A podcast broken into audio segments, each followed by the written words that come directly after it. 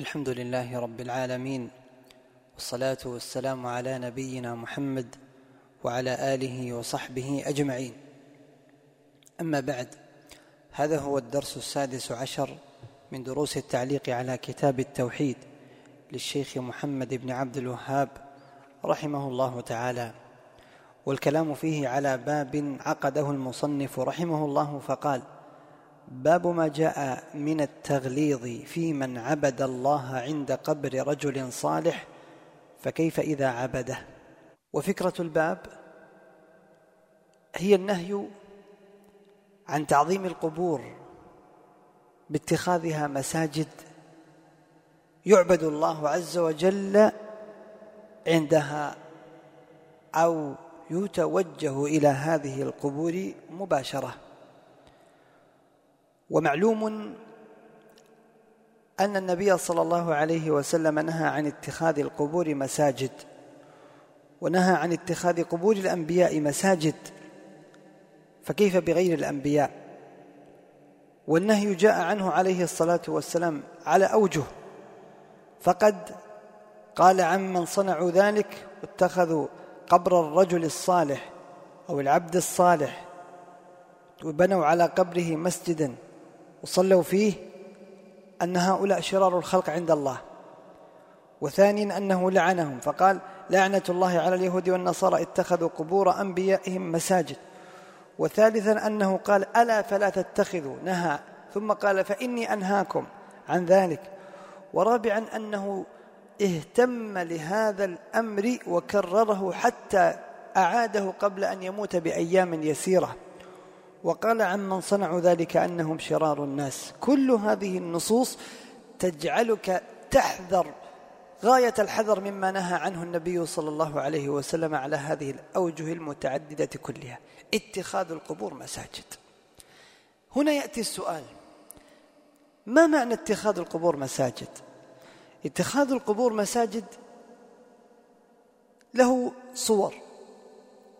منها أن تسجد عليه مباشرة ومنها أن تجعله في قبلتك ومنها أن يكون في داخل مسجد تصلي فيه لله سبحانه وتعالى فقد أدخله بعض العلماء في هذا الأمر.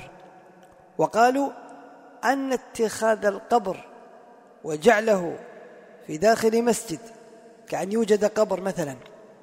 ثم يأتي من يأتي ويبني على هذا القبر مسجدا فإن هذا من اتخاذ القبور مساجد.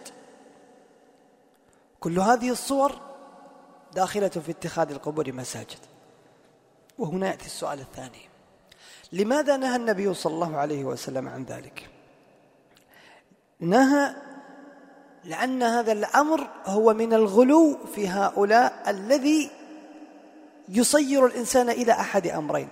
إما أنه سيؤول به إلى أن يتوجه ويعبد هذا صاحب هذا القبر وهذا شرك أكبر بلا إشكال.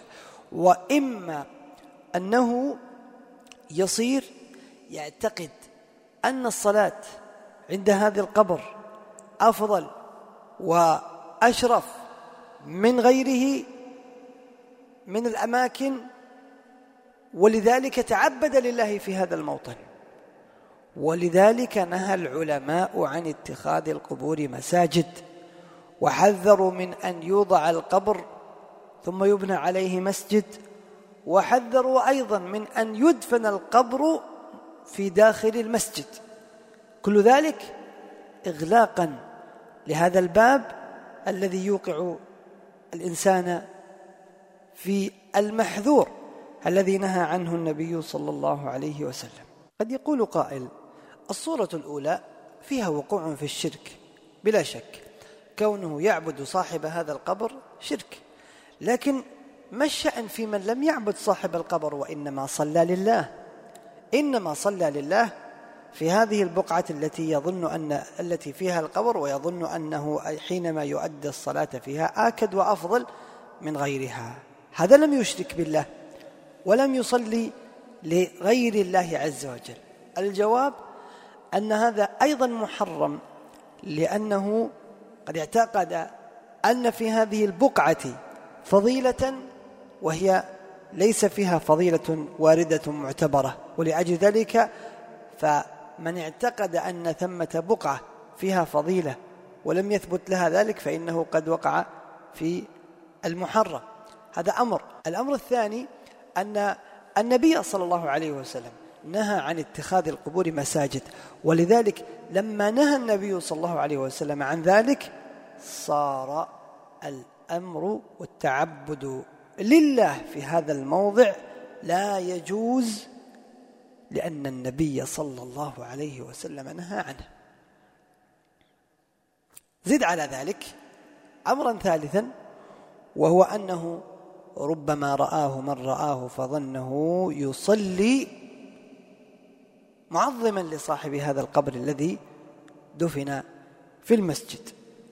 إذا علمت هذا أيها المبارك فثمة أمر قد وقع فيه كثير من الناس وهو أننا إذا قلنا أن كثيرا من المسلمين ينفر من أن يتوجه إلى القبر مباشرة ويصلي إليه. وإن كان هذا قد يكون موجودا عند بعض الناس كما ترى أن من الناس من يقف ويصلي خلف قبر النبي صلى الله عليه وسلم بقصد بقصد أن يجعل القبر في قبلته.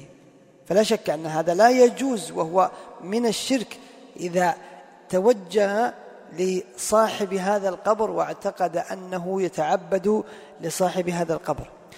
لكن الأمر الذي يقع كثيرا أيضا هو أن من الناس من يأتي إلى مسجد فيه قبر ثم يصلي فيه.